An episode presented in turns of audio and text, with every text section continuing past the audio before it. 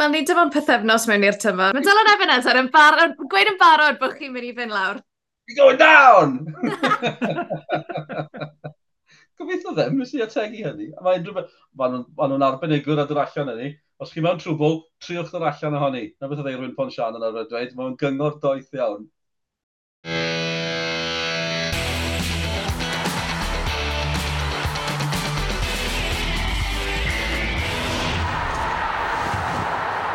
Croeso a chroeso i rifyn newydd o bodlediad sgorio di Siona Dafydd. A gyda fi unwaith eto ar y pod wythnos yma, mae fy'n gwylym a Dylan Ebenezer.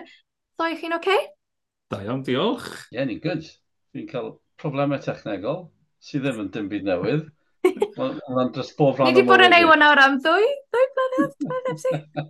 Un bobl sy'n gwrando, mae dda fi microffon. Yn gych chi'n neud, plygo um, un lead mewn i'r laptop ar USB byddech chi'n meddwl bod yn syml.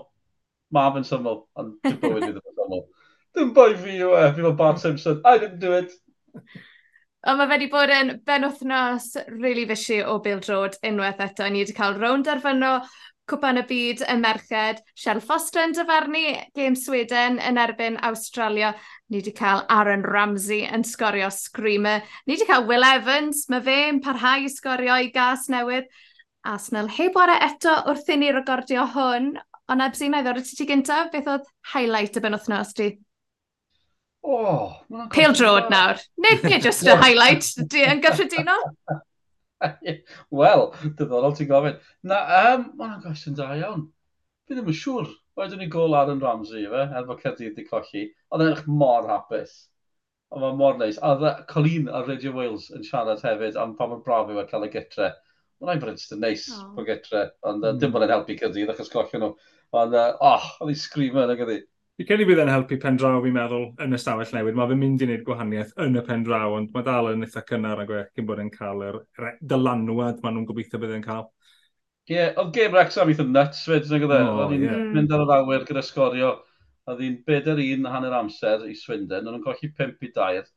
A chi hyn o'r amser ni, chi dal yn meddwl, o, oh, chi beth yn gwybod yr exam, chi pimp yr un, diddorol, a mae Ben Foster di ymddeol. Wel, bydde ti'n neud ar ôl, ar ôl ildio pimp gol, bydde ti. I fi, uh, eich ar bwynt o cyrraedd getre nos Wener yn cedi, achos o'n i mor lib am pen y bont. Ond yn absolutely soaking, ond i ddim falch cyrraedd getre gallu newid mas o dillad glib. A fel mae Liam Gallagher yn gweud, oedd e'n biblical. Gyda'r gweithio fi wedi gweld, A mae hwnna'n gweud lot achos fi wedi bod mewn lot o gantries glib, ond oedd hwnna un o'r cefn gantri pen y bont, ni ddim yn saff o'r glaw. Credu eich afbwynt fi heb os oedd watchan ffeinal Cwpan y Byd. Fi'n rili really mynd i wel eisiau eistedd ar yn soffa i, gyda dillter o goffi, ond watchan Pale Drod yn y bore. Fi wedi really joio'r tournament. Ifan, fi'n gwybod o ti gatran watchan hefyd, a yeah. Sbaen yn hyddi ennill. O, o, na, hyd yn oed ar y diwedd, pan mae gyda nhw gol o fantes, ond nhw'n edrych os nhw'n mynd i cael y gol arall, ond e ddim yn edrych os e, nhw'n eistedd ôl ac amddiffyn y gol yna, ond nhw'n wir yn heiddi'r buddigoliaeth o'r, or gêm. A mi oedd hi'n rownd derfynol entertaining o'n i'n meddwl. Mm. Yna, ni'n meddwl bod o'n wych. Oedd Sbaen yn well na Lloegr, ond fel fel mae pawb sydd wedi gwylio pêl-drones, ond ni'n aros i Lloegr sgorio. Achos chi'n ddim yn cymryd eich cyfleoedd, chi'n cael eich cosbi, ond pan wnaeth yr amser ychwanegol am Milan, tair munud ar ddeg, fi'n gwybod bod ni'n dod yn gyfarwydd â fe, ond bobl bach. Uh, ni sy'n dda iawn, Sbaen, chwarae teg fyna. A pan nath, methu'r cicosmotyn, o ti'n meddwl, o, diw'n just, ie, yeah, mae hwnna'n rhywbeth, rhyw arwydd o beth sy'n dod, hwnna'r turning point yn y game. Na, nath ddim digwydd. A yeah, fi jyst yn drylu ar y ffaith, er bod na faterion oddi ar y ca gyda Sbaen. Yn y deunaw mis diwetha, maen nhw wedi ennill yr Under-17s World Cup, yr Under-20s World Cup, a nawr maen nhw wedi ennill yr actual cwpan y byd. Felly mae hwnna mor, mor impresif. Yn enwedig pan ti'n meddwl am popeth, mae Barcelona, Real Madrid, fe maen nhw'n neud ar hyn o bryd. Felly llongyfarchiadau enfawr i Sbaen, a hefyd llongyfarchiadau i Cheryl Foster achos oedd e mor, mor lesh yn gweld ti'n dyfarnu'r gêm ar gyfer y drydydd safle rhwng Sweden ac Australia. A pwy a wyr, so Lloegr ddim wedi bod yn y ffeinal o bosib byddwn ni wedi gweld Cheryl yn dyfarnu ffeinal cwpan y byd. Ond gewn ni weld yn y dyfodol os yw Lloegr yn stopo wneud mor dda. Ie, yeah, gai jyst gweud, mae rhaid ni sôn, uh, mae'r stori am Sbaen yn wych, ond i feddwl um, Olga Carmona efe, sgoriodd y gol, yn clywed mm. ar ôl y gym, mm. i di marw. Oh, sut yn mm. y bydd chi'n dachrau prosesu rhywbeth mm. fel yna? Mae fe jyst yn erchill. Mm. So, bydd i'n cofio, mae fe jyst yn, allai chi beth i dychmygu'r peth? Na gwych chi, achos digwyddiad, so, bydd hi'n i'n cael ei chofio am beth fel y person sgoriodd y gol i ennill cwpan y byd i Sbaen, a bydd hi'n cofio fe fel y diwrnod nath i ddad i farw. Mae'n jyst yn, o, oh, mae'n ma chwalu'ch pen chi, ond ie, yeah, amlwg, tiod, cyd ymdeimlo'n fawr yn hynny, ond ie, oedd hi'n uh, dipyn o gystadleuaeth, chwarae teg, y torfeidd yn ffantastig. Wel, beth am benawdau uwch gyngrau'r Cymru? Ifan, beth sydd wedi bod yn digwydd dros y penwthnos diwetha? Recordiau cant a cant yn parhau i Gynarfon, Penabont a'r Seintiau Newydd penwthnos yma, ond bydd rhaid i'r Seintiau aros tan y 10 munud ola bron cyn sgorio ym Mhont y Prydd. A Bala a Met sydd yn dilyn yn y tabl wedi iddyn nhw gael gêm ddi-sgôr ar gampws Cyncoed. Cyfartal, oedd gêm fyw sgorio disadwn hefyd. Y ddau dîm gath dyrchafiad dros yr haf, y Bari a Bai Colwyn, yn cael eu goliau a'i pwyntiau cyntaf nhw o'r tymor. Un yr un oedd y sgôr yn fyna. Ie, yeah, newn ni ddechrau gyda'r gêm fyw o ddar sgorio. Nath i orffen yn un ar un rhwng y Bari a Bai Colwyn. A dyma cyfle cynnar i Acpan, ond mae Lewis wedi darllen hwnna am y Creamer! Creamer! Dyna chi gol! Wel, ai, yn ben wythnos y tymor yn efallai bod ni wedi cael gol y tymor yn barod. Peniad allan gan Mike Lewis. Screamer gan Creamer i fai golwyn. Yn penio'n glir oedd Lewis, ond o Creamer wedi sylwi bod Lewis yn bell o ddiar i linell ac ar y foli yn codi'r bel dros yr amddiffyn gyfan i gefn y rwyd, Tommy Creamer. The Screamer from Creamer, fel i ni gyd i fod yn gweud ers stryd sadwn. Dylan ar amlwg o ti ym Mharc Chena, y ddau dîm yn cael eu pwyntio cynta ers cael dyrchafiad, ond ti'n credu bai Colwyn fydd y hapus gyda'r canlyniad? Ie, yeah, fi'n credu. Um, Ond nhw'n well yn yr ail hanner yn bendant. O'n i'n dechrau, o'n i'n poeni amdano nhw hanner gyda eto ar ôl gweld nhw'n colli efo'n Cynarfon, o'ch chi'n meddwl, off, dyn nhw'n di gwella llawer. Felly bod nhw'n nerfus, felly bod nhw'n lot i, i, i ddysgu ac addasu o fynd lan uwch Cyngred Cymru, achos mae'r bari wedi bod o'r blaen, felly bod nhw'n fwy cyfarwydd a pethau. Dwi'n mynd siŵr, fod onest, ond o'n yn edrych yn well. Oedd yr eilyddion doth mlaen, oedd yna lot o sparc iddyn nhw. Felly fi'n credu wneud y byd o waniaeth a oedd ni wedi bod yn yn Mike Colwyn, ni wedi bod ar Barc Jenna, felly mae'n ma gret cael y ddau glwb na yn y gyngrair hefyd. Ifan, o'r ti'n siarad gyda Steve Jenkins yn ystod yr wythnos yn edrych ymlaen i'r gêm. Be wneud di o'r gwaith mae wedi wneud hyd yn hyn wrth ystyried ddathau e mewn literally diwrnodau cyn i'r tymor ddechrau, ond oedd e ddim cweit yn hapus ar ôl y gêm, chos nes i ofyn e, it, but what have you made of the first two weeks? And nath e weid, I'm frustrated with a lot of things. Ie, yeah, dwi'n mynd i gallu gwneud lot, a dyna sy'n frustrating, achos mae'n dod mewn mor hwyr. Fi'n gwybod bod e'n trial uh, ychwanegu at y garfan sydd gyda fe, mae fe'n trial tynnu'r contact sydd gyda fe, a fe gen i falle dod dyna, falle beth sy'n mwyaf frustrating iddo fe. Um, bydde fe'n hefyd yn rhwystredig o'r gêm yna, o nhw ddim yn cymryd y cyfleo'n gathen nhw, achos gyda gol o fantes, gathen nhw cyfleo'n oni ar y linell a taro'r postyn syth ar ôl ei hmm. gilydd, uh, gath Cotro cyfle da hefyd, a os, cael hynna mewn, a falle bydden nhw ddim ffordd nôl i Bai Colwyn i, i gipio pwynt. Um, felly, ie, yeah, y ffordd o'n nhw mm, nitha cyffbyrddus yn y hanner cyntaf, fi siŵr bod e'n rhwystredig iawn am hwnna hefyd, bod nhw heb cael y triffwynt. Yn eitha hoffi um, y cwpl o chwaraewyr, oedd Oli Hulbert yn cael sylw, ni wedi gweld e gyda Met, oedd e'n edrych yn, um, tiod, yn gyffeiliad, a um, O, oh, Tomlinson, doth ma'n rhail hanner hmm. hefyd wedi dod mewn o ran y bari. Ie, yeah, cwpl o chwaraewyr uh, addawol iawn gyda nhw. Ond ie, yeah, fi'n credu y ddau tîm, fi'n credu bod nhw'n goffo bod yn fodlon gyda hynny. Ych chi'n teimlo bod ni'n bod yn gêm gwael ar y regol, ych chi'n meddwl bod bari fyny fyny hi, ond just cyn y gêm, ych chi'n meddwl, ond gyda gêm gyfartal wedi, wedi sgwennu dros drosti fel petai.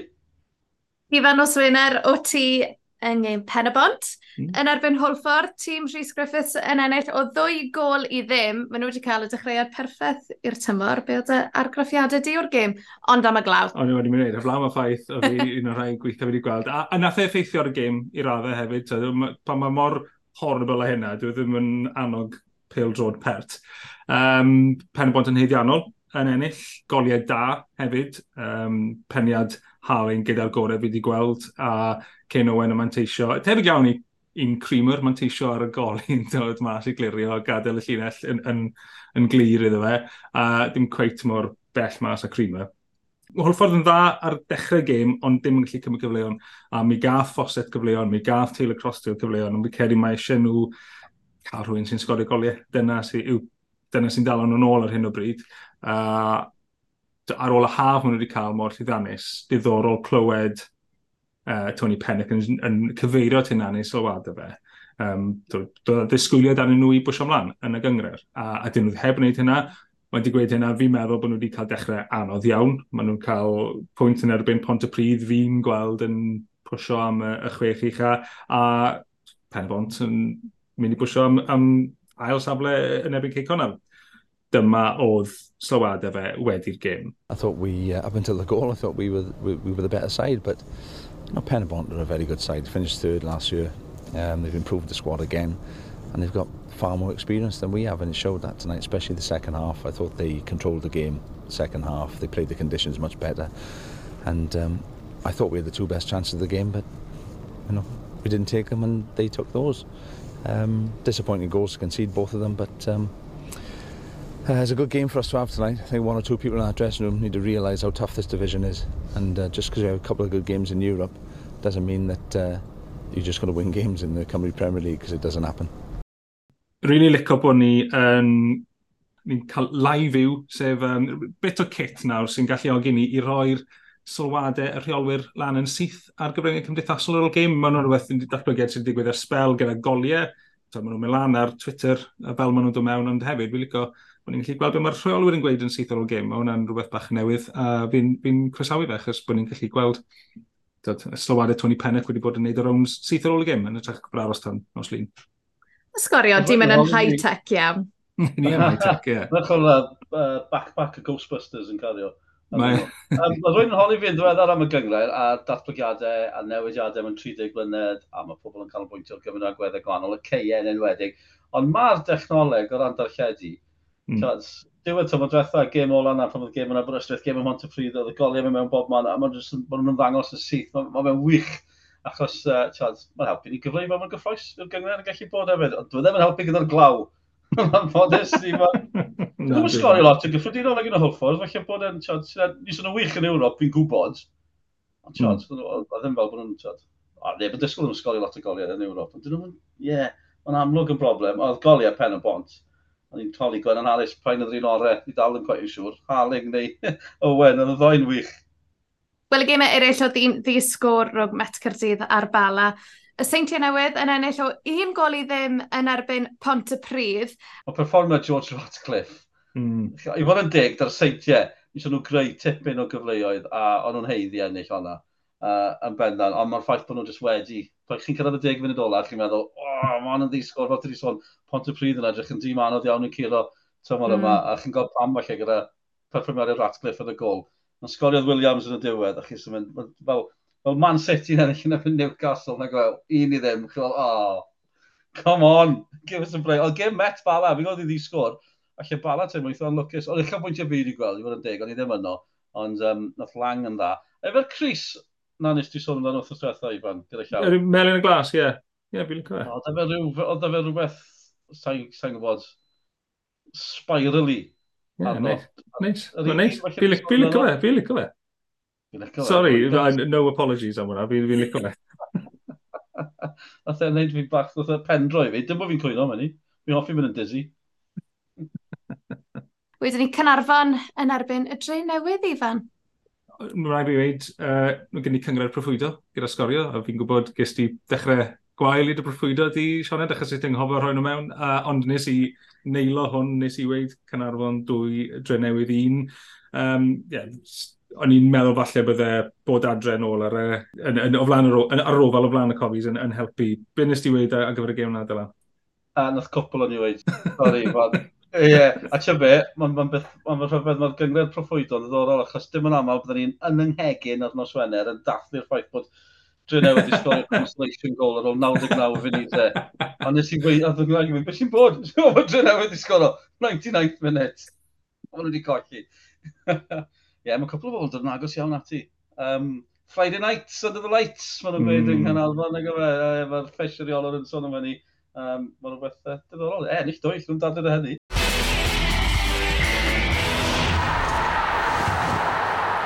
Wel, penwthnos diwetha ar sgorio y ddau dîm sydd newydd gael dyrchafiad i'r gyngrair – ac wythnos nesaf, y ddau dîm sydd wedi chwarae ym mhob un tymor yn uwch gyngrair Cymru. Y dre newydd yn erbyn Aberystwyth, darbu'r canolbarth er mwyn o'n cracu fi lan, achos smon nhw'n agos iawn i'w gilydd. Ond darbu'r canolbarth i ni'n galw fe. Y dre newydd, unwaith eto fel i ni di sôn, dechrau araf iddyn nhw. Tymlo fel bod nhw wastod yn cael dylan, rhyw dechrau gwael i'r tymor, ond wedyn unwaith i ni dros hanner ffordd, mae yna rhyw i dîm Chris Hughes. Ie, yeah, mae'n rhyfedd, na gwi. Um, bendant, neu mae'n dioddol o ddigwydd. Mae'n rhaid i sôn, mae, mae yn gêm ddar fi, a fel ti'n gweud, mae'n bellter. mae'n nigl iddi. Fi'n cofio pan o'n i'n grwt, oedd wastad rhyw nigl rhwng Aberystwyth o Drynedd. Falle achos bod nhw yn rhan o'r hen system, neu tiod, o'n nhw'n dau dîm yng Nghanolbarth Cymru, a oedd cwpl o chreuwyr o Aberystwyth i'r Drenewydd yn y 90au, boys oedd yn ffefrynnau mawr yn Aberystwyth. Felly mae'n ma bizar, ond mae'n yna rhywun i'r clwb pan maen nhw'n clwb. Ond ie, yeah, mae'n trenewydd, ah, os da chi nhw'n gyfle mi'n tymor, bydd pawb mewn trwbl. Fi'n methu esbonio fe, fi'n credu. Byddwn ni'n poeni mwy sy'n ni'n Aberystwyth yn mynd mewn i hon na drenewydd. Fi'n gwybod bod drenewydd wedi colli dwy gêm gyntaf hefyd. Ond maen nhw'n chwarae pen y bont a mynd i gynarfon yn oswener. Mm. Dyn nhw hmm. wedi cael un hawdd a maen nhw'n chwarae'n oce okay o be fi'n gweld yn gyffredinol le mae Aberystwyth. Dyn nhw wedi sgorio colli dwy heb sgorio, mae hwnna ddim yn gret.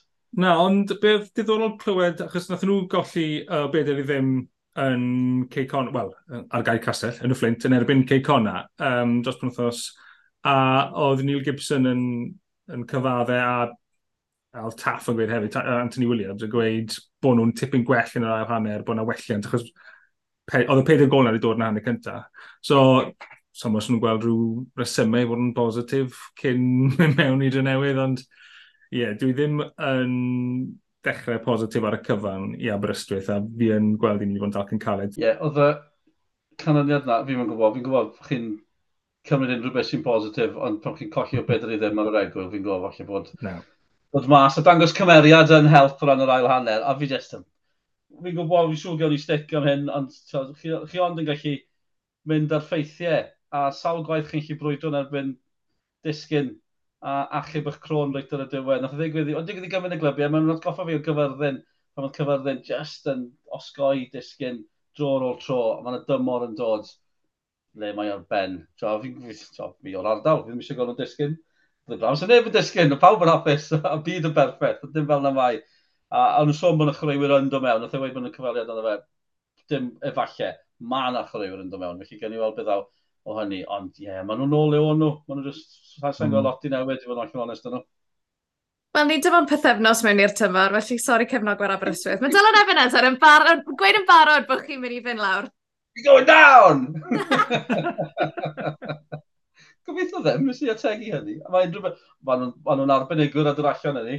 Os chi mewn trwbl, triwch dod allan ohoni. Na beth oedd ei rwy'n Ponsian yn arfer dweud, mae'n gyngor doeth iawn.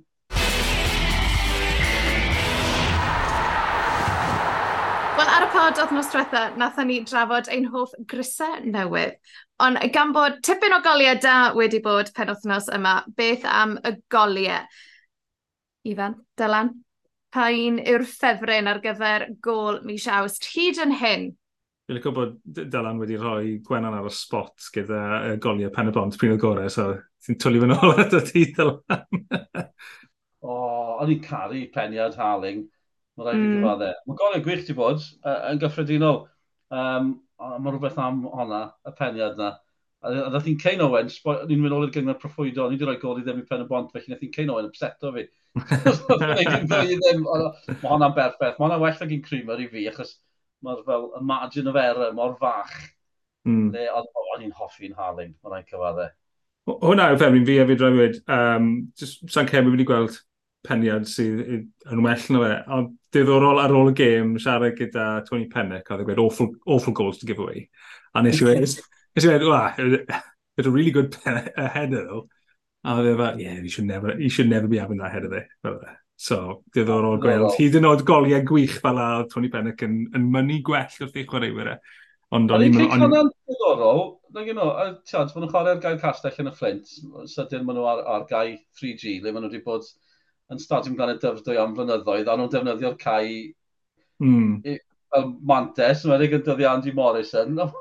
Pwy o wir, falle na ni weld rhyw fersiwn newydd o gei Conan ymddangos ar, ar ar gair castell, achos oedd y gol gyntaf yn enwedig yn erbyn Aberystwyth. O, oedd hi'n hyfryd gol Josh, o cyntaf gyda Josh Williams cwpl, ond oedd hi'n gol o ran symudiad tîm. Uh, hyfryd, chwarae teg. Fi'n credu, jyst o ran i'n Thomas Creamer, hwnna oedd gol gynta by Colwyn mm. eriod yn uwch gyngrau'r Cymru. Felly fi'n credu mae hwnna... Oedd y gol yna mynd i fod yn special ac yn un hanesyddol beth bynnag, ond y ffaith taw hwnna oedd y gol. Fi'n credu oedd hwnna'n really cool. So pan ti'n clywed rhywun fel Gwennan yn esbonio faint mor anodd oedd y sgil a'r dechneg, achos i rhywun fel fi, ddys yn edrych o Mae'r tri o'n i'n eistedd yma, ni jyst fel, o. Ie, pan mae Gwennan yn esbonio i ti, fel, fel cyn ymwysodwr sydd wedi chwarae o glad, mae hwnna'n hwnna technig na'n anodd. Fi fel, oce, okay, fi wedi dysgu, mae'n ma well gwrando ar yr arbenigwyr, mae'n just parablu flan.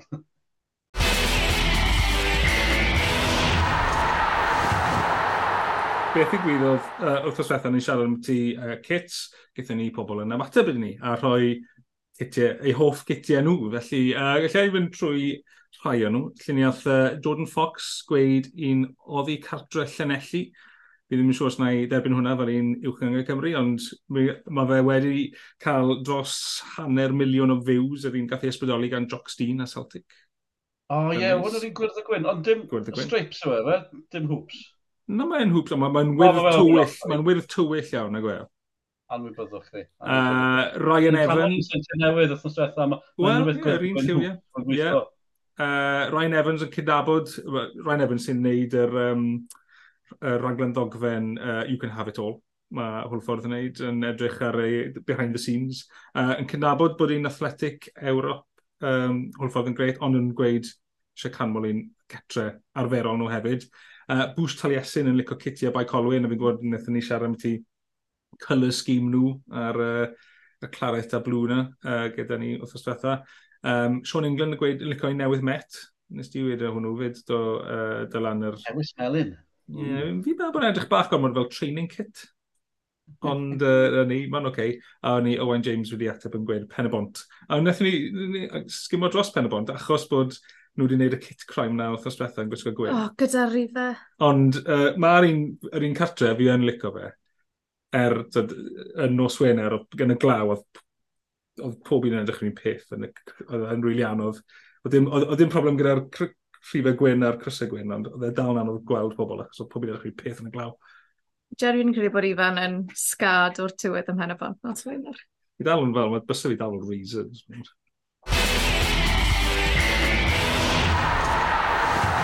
Wel, cyn i ni orffen pethau wythnos yma, Ifan, beth sydd wedi bod yn digwydd yng nghyngreiriau is y pyramid pildrod? Mae un canlyniad nath Sico Mas uh, nos Wener yn cyngreir y dell yn ellu'n curo gyfyrddin o beder gol i dair. Uh, ni yn sylwebu ar y gêm yna tymor diwetha, lle nath Mark Hazelwood yn, uh, yn y cyfweliad ar ôl gêm mynd os nhw ddim yn sgorio ge gornel neu ge cryf, mae'n anodd iddyn nhw llynellu sgorio achos dim lot o ansawdd gyda nhw. Felly mi'n siŵr bod nhw dal yn defnyddio hwnna, a oedd e'n sbardun iddyn nhw sgorio'r peder gol yn anos Wener. Um, gollen nhw uh, gêm cyntaf tymor neu Llan Sawel, uh, llynellu. Uh, ond mae Llan Sawel a Lido Afan dal ar, ar y frig fyna, dyw y fenni a Beteleri.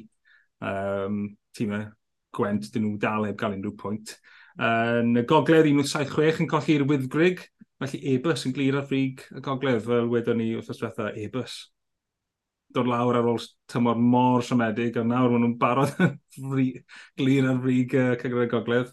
Ie, uh, yeah, diddorol sy'n mwyn digwydd, ond uh, mi oedd un benwthnos jyst sôn am cyngred is, penwthnos Cwpan Cymru, a oedd y cwbl o cyflwyniadau eitha da fyna, mae dal yn early doors. Penrwy Ceiber, llongrwchiadau nhw, naw gol i ddim yn y penclawdd hwnna oedd y buddigolaeth mwyaf o'n i'n gweld. Unwaith i dal dy sylw di, dylan o'r Cypa Cymru, mi'n gwybod ti bod yn edrych ar y canlyniadau. O'n i'n gwybod mae maes Cyrdydd di ennill. Fantastic. Oh. O'n i'n gwybod tîm hwnna. Mae'r ma enwe, jyst yr enwe fi'n credu, wrth y modd ath, ath Tregaron ennill, felly ni sôn am Tregaron yn ennill efo'n yn mychyrchiaeth hefyd. Ond mae cwpl o sgoriau eitha eithafol, ond fi sydd wedi drysu achos maen nhw'n cynnwys cicio'r smotyn, felly ddim hmm. syniad y fi.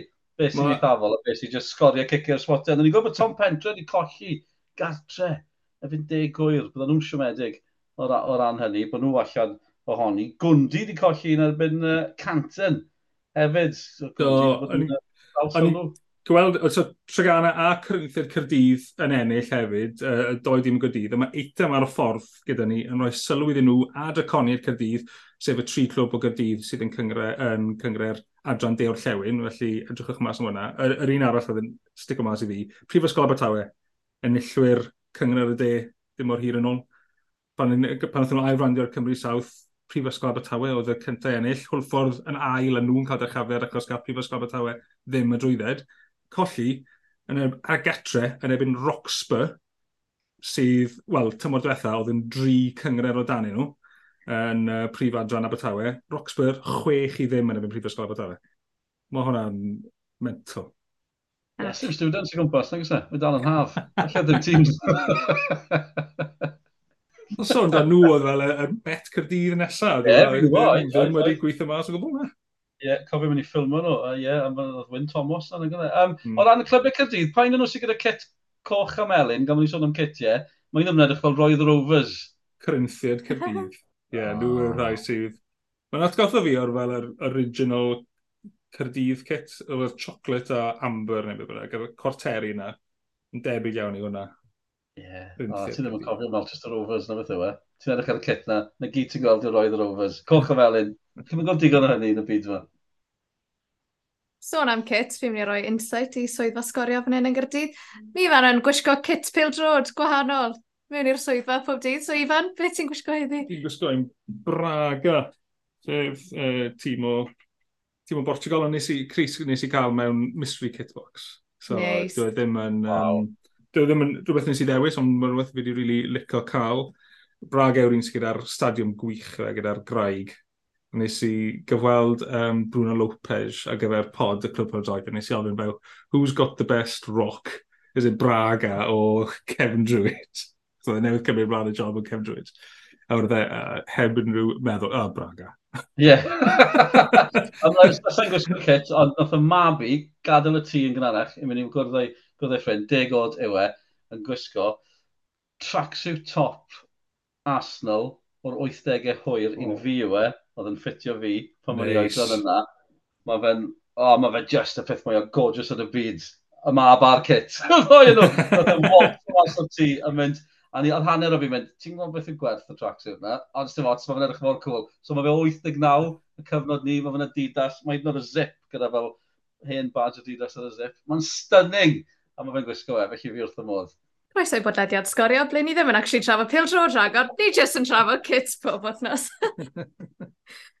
Wel, dyna ni am benod arall. Diolch o galon am eich cwmni chi wythnos yma a'n gêm fyw nesaf ni ar sgorio yw y dre newydd yn erbyn Aberystwyth. Mae'r gêm yna ar gael ar-lein ac ar eich teledu clyfar. Di sadwn? Di sadwn, ie. Yeah. Fi'n fel arfer yn mynd am ar app YouTube ar fy nheledu clyfar, ond fi'n deall bod app S4C e Click nawr ar gael trwy Freeview Play hefyd, felly mae'n opsiynau ar gael ar gyfer chi pobl sy'n gyda teledu clyfar. Mae'n links ni ar ddiwedd bob pod, jyst yn mynd i fod yn rili really hir ar bryd diwedd, achos mae gymaint o opsiynau o ran ble i oelio gemau byw sgorio a cynnwys ar-lein sgorio hefyd. Ond Ifan, Dylan, diolch yn fawr am eich cwmni chwthnos yma. Diolch i adre am rando a tan tro nesaf. Hwyl fawr!